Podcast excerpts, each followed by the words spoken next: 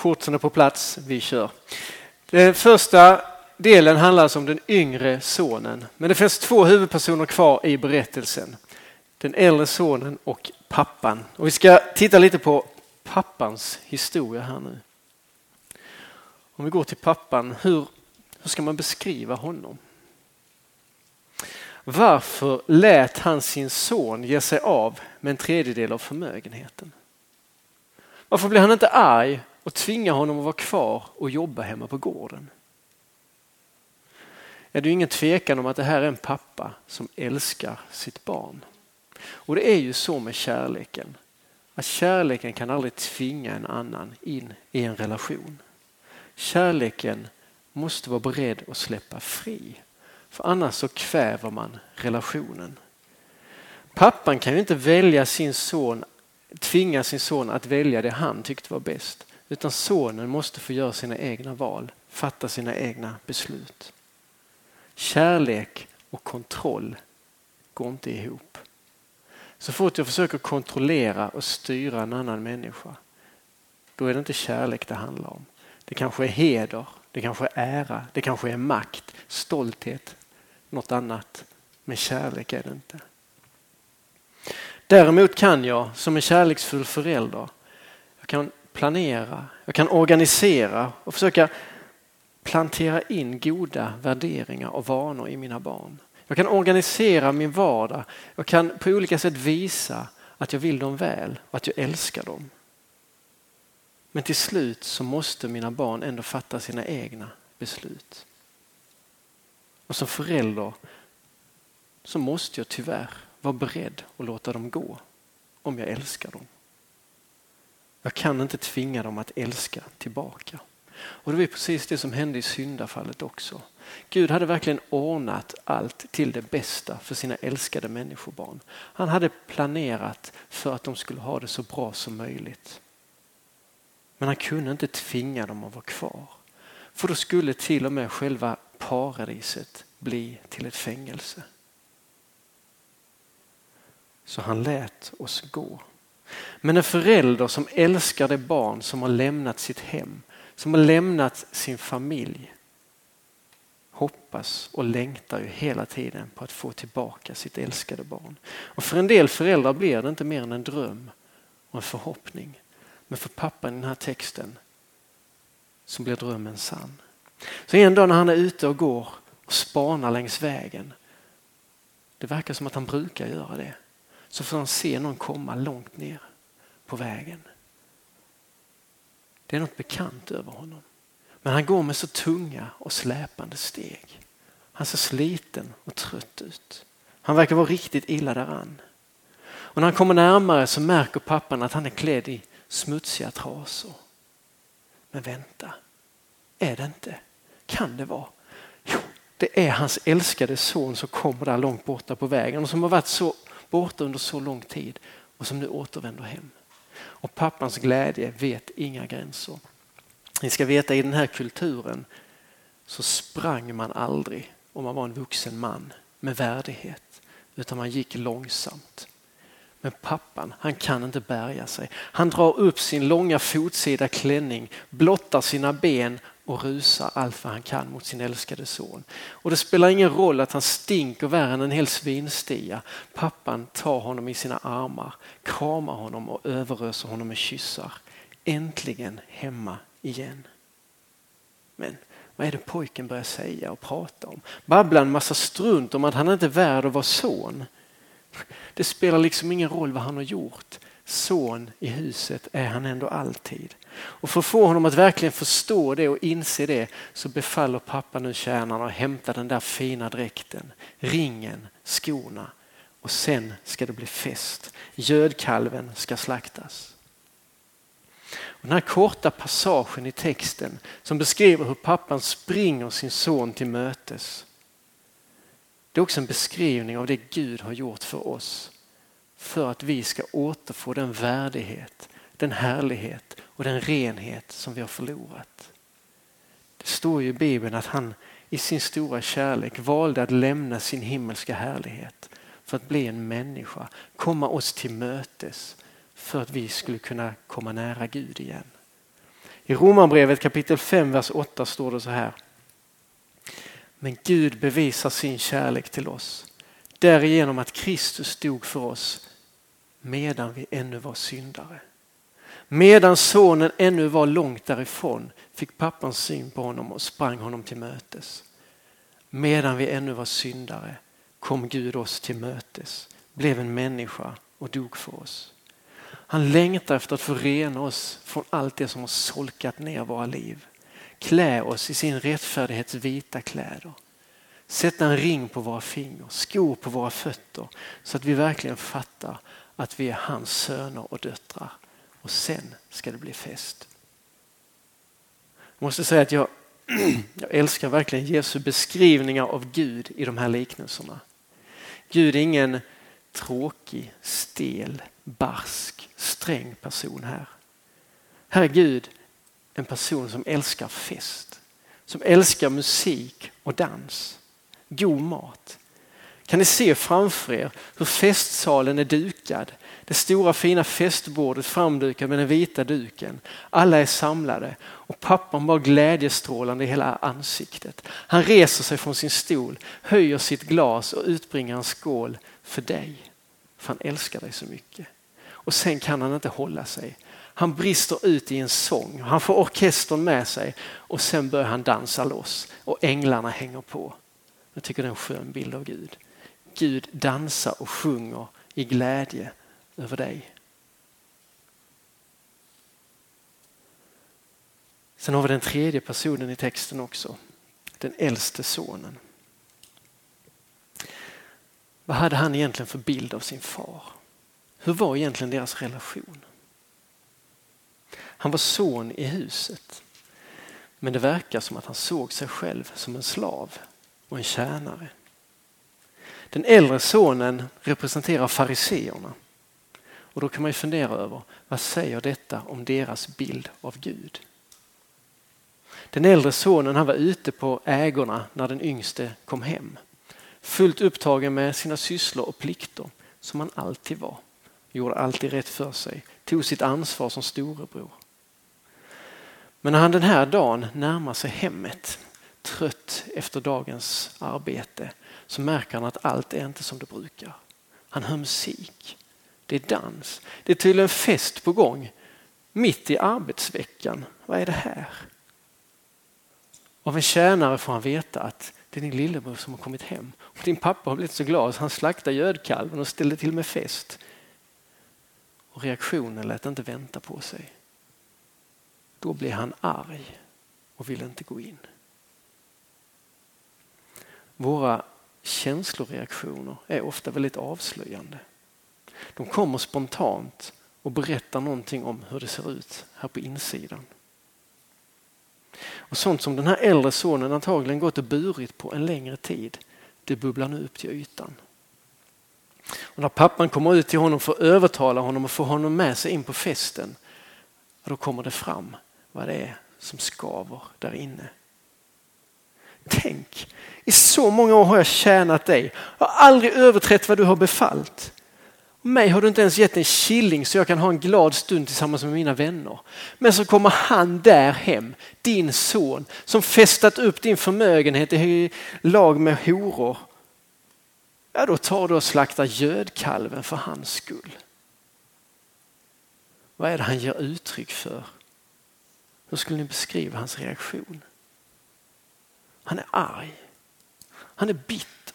Han är avundsjuk på sin lillebror som har kommit hem. Ja, han vill inte ens kalla honom för sin bror. Han säger han där, den där, din son, inte min bror. Han känner sig orättvist behandlad av sin far. Han är besviken. Här har han kämpat och slitit i alla år och vad har han fått för tack för det? Och så kommer den där hem som har betett sig som ett svin och får så mycket uppmärksamhet och kärlek. Har inte han som den äldste ansvarstagande brodern, är det inte han som har gjort sig förtjänt av pappas uppmärksamhet och bekräftelse? Om den yngre sonens inställning var jag är inte värd att kallas din son så var den äldste sonens inställning snarare jag är verkligen värd att kallas din son. Och pappan försöker på ett kärleksfullt sätt förklara hur det ligger till. Min son, du är alltid hos mig och allt mitt, det är ju ditt. Du är min son precis som din bror. Och alla mina egendomar och ägodelar, de är ju faktiskt dina. Jag har ju redan delat upp allting mellan er. Din yngste bror, han har redan förslösat sin del. Allt som är kvar, det är ju ditt. Självklart kan du få en killing någon gång och festa tillsammans med dina vänner. Men nu, nu har din bror kommit hem som har varit borta så länge. Det är ju därför vi måste vara festa och, och vara glada. Ja, han är faktiskt din bror, även om du inte vill kännas vid honom. Kan du inte känna någon glädje över att han faktiskt har kommit välbehållen tillbaka? Vi festar inte för att han på något sätt skulle vara mer värd än dig. Eller för att jag älskar honom mer än dig. Vi festar för att det är mitt älskade barn som har återvänt. Han var som död men har fått liv igen. Är inte det värt att fira? Det betyder inte att du är mindre älskad eller att han skulle vara värd mer för mig. En sommar när jag var barn, jag var kanske i tioårsåldern eller något sånt, så åkte vi på semester tillsammans med en kusinfamilj till Dalarna. Vi hade hyrt två stugor bredvid varandra och vi skulle vandra i fjällen. När vi kom upp där med våra fullastade bilar så började vi packa in och maten skulle förberedas och sådär. Och när vi skulle äta och samla de stora familjerna så upptäckte vi att två personer saknas. Mattias och Anders. Mattias är min bror. Och vi började leta och ropa efter dem. Men de kom inte. Och till slut började vi ana det värsta. Och i vår desperation så började vi be till Gud. Jag minns själv hur jag bad för mig själv där. Gud, om du låter Mattias komma tillbaka så ska jag aldrig mer vara dum mot honom. Det visade sig vara ett löfte som var väldigt svårt att hålla. Så ge inga sådana löften till Gud. Man får så dåligt samvete efteråt. I alla fall, polis tillkallades, helikopter kom och vi var ute och letade. När det började närma sig kväll så kommer en kvinna som bor där på orten och hon tyckte att hon hade hört någonting någonstans. Så pappa tog vår hund med sig och så åkte de dit till det stället. Och där, de hittade dem. Och de kom tillbaka. Och sen blev det fest. Polis, helikopterförare och alla som hade varit med och letat bjöds in till festen. Det var något av barnen som hade bakat någon sockerkaka och haft i fläckar av grön karamellfärg så poliserna satt och rynkade på näsan men de var glada. Det var stor glädje. Och då kan man ju fundera så här. Mattias och Anders, de lymlarna som hade gett sig av, det var de som var festens medelpunkt. Det var för deras skull vi var glada. Betyder det att alla vi andra barn som inte hade varit så dumma så vi trodde att vi skulle hinna upp till fjälltoppen innan middagen, att vi var mindre värda för det och mindre älskade? Nej, den här festen var inte en fest för att premiera den som har skött sig bäst. Det var en fest bara för att uttrycka glädjen över att någon som hade gått vilse hade hittat hem igen. Och på samma sätt var det här i liknelsen. Den äldste sonen hade fått ett annat om bakfoten. Guds kärlek, det är inget vi förtjänar genom vår skötsamhet. Han älskar alla sina barn lika mycket oavsett hur vi beter oss. Naturligtvis blir han glad när vi inte springer iväg från honom utan när vi håller oss till honom och lever som han önskar. Och han blir ledsen när vi med våra liv visar att vi skiter i att vi är hans barn. Men kärleken den blir inte större eller mindre beroende på hur vi uppför oss. Den är alltid lika stor. Men det kan faktiskt bli så att vår skötsamhet, vår duktighet, vår strävan efter att lyda kan bli någonting som skapar en distans till Gud. Och även till våra medmänniskor. Om vi tror att vi på det sättet ska förtjäna Guds kärlek och vårt barnaskap. Och så verkar det ha blivit för den äldre sonen i texten. Även om han hela tiden var fysiskt nära sin far så verkar han ändå ha varit ganska långt borta. Han såg sig själv som en tjänare eller som en slav i förhållande till sin far. Och sin bror vill han inte ens kännas vid. Han såg på honom med förakt. Utåt sett var han kanske den exemplariske sonen, pappans stolthet. Men hjärtat var hårt och kallt.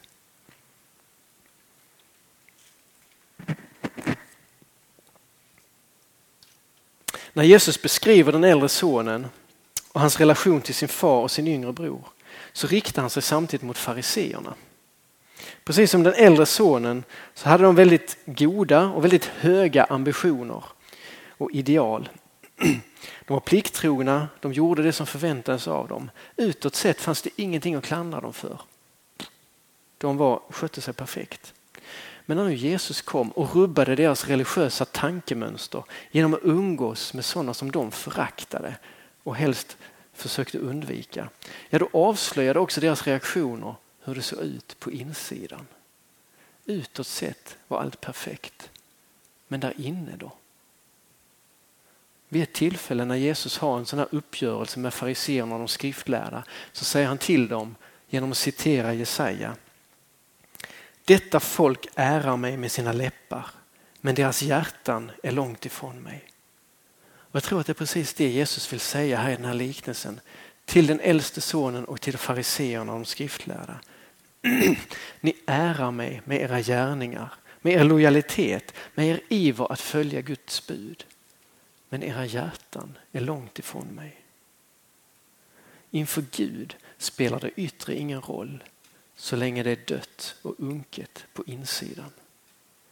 Vid ett annat tillfälle när Jesus ger fariseerna och de skriftlärarna en riktig utskåpning så säger han så här, håll i er nu för nu tar Jesus i rejält. Ve er, ni skriftlärda och fariseer, ni hycklare som putsar utsidan på bägaren och fatet fastän de inuti är fulla av rofferi och omåttlighet. Du blinde farisé, gör först bägaren ren inuti så blir också utsidan ren. Ve er, ni fariseer och skriftlärda, ni hycklare som liknar vitkalkade gravar. Utanpå verkar de så prydliga, men inuti är de fulla av benknotor och all slags orenhet. På samma sätt verkar ni så rättskaffens när människor ser er. Men inuti är ni så fulla av hyckleri och laglöshet. Det var ord och inga visor. Det Jesus klandrar fariséerna och de skriftlärda för, det är inte deras goda ambitioner. Tvärtom så berömmer han dem för dem ibland. Utan det som är problemet det är att det var det yttre beteendet som blev det viktiga. Det viktiga var att kunna visa upp en snygg fasad, visa att man var from och duktig. Men samtidigt blev de väldigt hårda och dömande mot alla dem som inte riktigt lyckades leva upp till deras ideal. De var inte sena med att påpeka andras fel och brister men såg inte sina egna. Därför kallar Jesus dem för hycklare. Var fanns kärleken? Var fanns barmhärtigheten?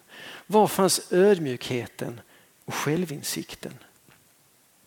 I första Johannesbrevet kapitel 4, vers 20 står det så här. Om någon säger jag älskar Gud och ändå hatar sin broder, då ljuger han.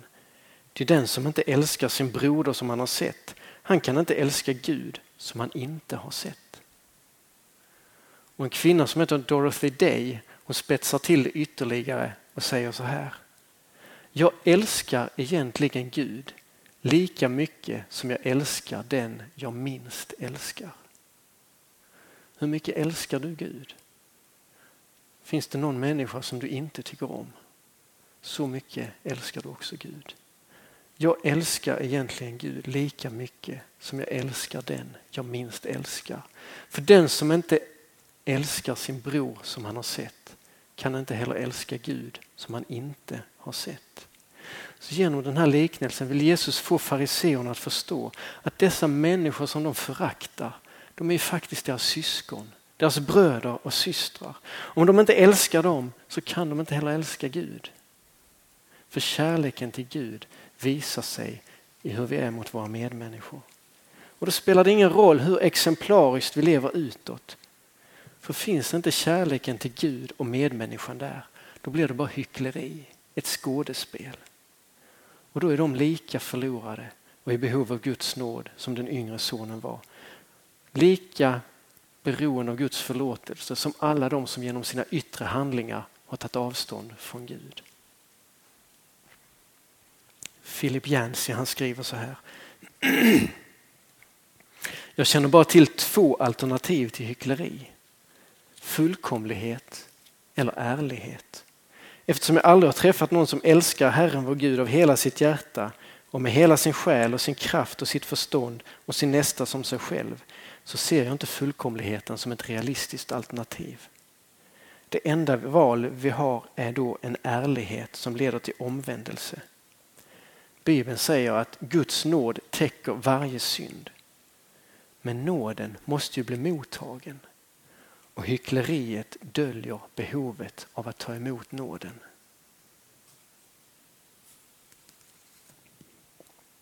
Genom sitt hyckleri förstod inte fariseerna att även de behövde Guds nåd. Det var inte svårt för den yngre sonen att fatta att han behövde nåd och förlåtelse om han skulle kunna återvända som son. Men hur ska en sån som den äldre sonen fatta att även han behöver Guds nåd? Jo, han behöver slå hackan i stengrunden. Är det någon av er som har läst Bo Gerts bok Stengrunden? Några bland de äldre har läst den. Bo Gertz beskriver där på ett ställe kampen som en människa har när hon försöker följa Guds bud och göra upp med synderna i sitt liv. Och han beskriver den så här. Det är som när egnahemsägaren börjar röja kring sitt nya hus. Stenarna flyger iväg och spaden sjunger i marken. Men när människan arbetar i sitt hjärtas åker gör hon så småningom den bedrövliga upptäckten att det blir mer sten ju djupare hon kommer. Hon finner ständigt nya synder hos sig och det blir svårare att skaffa bort ju djupare de sitter nedsänkta i hennes inre. Att bryta med spritmissbruket och svordomarna och sabbatsohelgandet det kan gå på en kväll. Men högmodet, lusten att tala om sig själv eller finna fel hos andra, sånt sitter kvar ännu efter många månaders hård bättringskamp. Så en dag när människan kämpar med synden och går där och bryter sten på hjärtats åker så att svetten lackar i hoppet om att hon nu äntligen ska bli kvitt de sista syndastenarna och få se att det börjar växa på allvar. Så ränner hon spaden i den fasta stengrunden. Hon går omkring, gräver runt, skrapar och försöker på nytt. Och då går den förfärliga sanningen upp för henne. Det är stengrund hela vägen. När hon kört ut lass på lass av lösa stenar och vräkt dem utanför staketet har hon inte fått till stånd en trädgård som kan börja, börja bära frukt åt Gud. Istället har hon blottat en stenhäll av granit som aldrig någonsin ska bära ett nyttigt träd. Detta är stengrunden som också kallas syndafördärvet. Det är den fördärvade naturen som står åter när människan skilt sig från alla sina medvetna synder. Stengrunden gör att människan är en lika stor syndare inför Gud när hon bjudit honom det yttersta hon förmår av lydnad och välsignelse. Hur mycket vi än kämpar med att leva som Gud vill och göra upp med synderna i vårt liv så är det som att plocka bort lösa stenar. Men till slut slår hackan i stengrunden. Och en som fick upptäcka detta det var en väldigt välbekant, välkänd person. Han heter Martin och han heter Luther i efternamn. Som ung munk så brukade Luther sitta upp till sex timmar och försöka liksom gå igenom dagen och bekänna alla synder som han kunde tänkas ha begått under dagen. Och så skriver han så här. Jag levde ett fläckfritt liv som munk, men jag insåg att jag var en syndare med dåligt samvete inför Gud. Jag kunde inte tro att han var nöjd med mina handlingar. Istället för att älska denne rättfärdige Gud som straffade syndare avskydde jag honom faktiskt.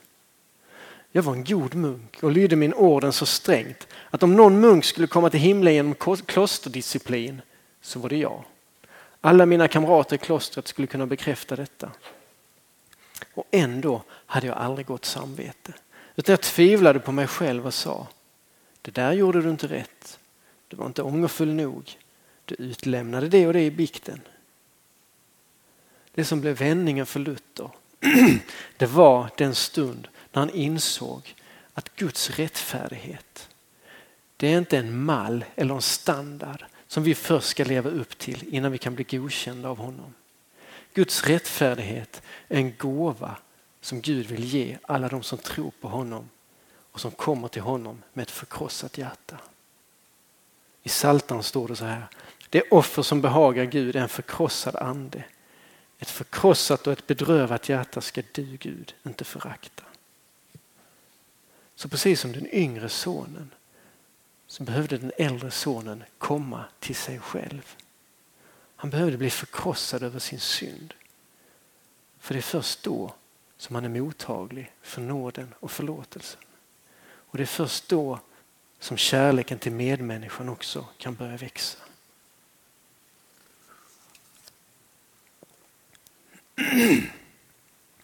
Gick den äldre sonen in och deltog i firandet till slut? Det får vi aldrig reda på. Och jag tror att det finns en poäng med att Jesus lämnar liknelsen med ett sånt här öppet slut. För på så sätt blir det en inbjudan till alla de fariseer som han riktade sig till att släppa sin stolthet, sitt högmod, sitt förakt och öppna upp för nåden och förlåtelsen. Komma med in på festen och fira tillsammans med sina bröder och systrar i glädjen över att alla är lika oförtjänt älskade av sin himmelske far. Och detta tror jag är budskapet även till dig idag genom den här bibeltexten. Oavsett om du känner mest igen dig i den yngre sonen som kanske gjort ett medvetet val, lämnat tron bakom ryggen för att kunna leva sitt eget liv. Borta från en Gud och en kristendom som begränsar och låser. Men som kanske har insett att du längtar tillbaka. Eller du kanske känner igen dig i den äldre sonen. Den som troget har gått i kyrka, missionshus, ungdomsgrupp. Gjort det som förväntas av dig som kristen. Det finns ingenting att klandra hos dig. Men när du börjar gräva i ditt hjärta så inser du att du kanske har svårt för att älska Gud. Svårt för att se honom som en kärleksfull far. Han är mer någon som lägger plikter, krav på dig. Du kanske är besviken på honom för att du inte har fått mer uppmärksamhet för all din strävan, allt ditt slit att följa hans vilja. Du kanske har svårt, du kanske föraktar och blivit, har blivit hård och dömande mot alla de kompisar i din omgivning som inte tar sin tro på samma allvar som du. Oavsett vem du är, oavsett vems historia du kan känna igen dig mest i så är du välkommen in på festen. Du är Guds älskade barn och han längtar att få vara med dig. Det finns en sång som på ett väldigt träffsäkert sätt sammanfattar hela den här liknelsen. Och jag frågade teamet här om vi inte kunde sjunga den efteråt och den hade de ju inte förberett men den fanns på datorn och Alfred han satte sig och lyckades få fram ackorden till oss. Vi ska snart sjunga den. Texten är så här. Ingenting. Jag kan inte göra någonting för att du ska älska mig mer än vad du gör. Ingenting. Jag kan inte göra någonting för att du ska älska mig mindre än du gör. Vi är maximalt älskade av Gud. Vår skötsamhet, vår duktighet kan inte få Gud att älska oss mer. Våra synder, vårt avståndstagande från honom kan inte få honom att älska oss mindre. Vi är alltid maximalt älskade. Det enda vi kan göra är att ta emot kärleken och nåden från Gud och låta den himmelska glädjen få smitta av sig även i våra liv. För Gud är en Gud som älskar att festa när hans förlorade barn återvänder hem och tar emot och öppnar sig för kärleken från honom. Vi tar och sjunger den sången som en avslutning. Men innan vi gör det så vill jag bara be en snutt. Jag har aldrig testat att be en snutt så jag vill gärna göra det nu. Tack Gud för det här läget. Tack för alla människor som är här. Tack för alla ledare, tack för alla deltagare. Och tack för ditt budskap till oss genom liknelsen om den förlorade sonen att du älskar oss så oerhört mycket och bara vill ha med oss in på festen. Du bara väntar på att vi ska öppna oss och ta emot din kärlek och nåd. Jag ber att om det finns någon här som tvekar, som inte vågar, som inte vill. Gud, du tvingar aldrig någon in på festen, men du vädjar och ber. Jag ber att den här veckan ska få bli en förvandlande vecka. Så att vi alla vågar öppna oss för din kärlek. Oavsett om vi har varit kristna länge eller kanske inte ens kallar oss kristna. I Jesu namn. Amen.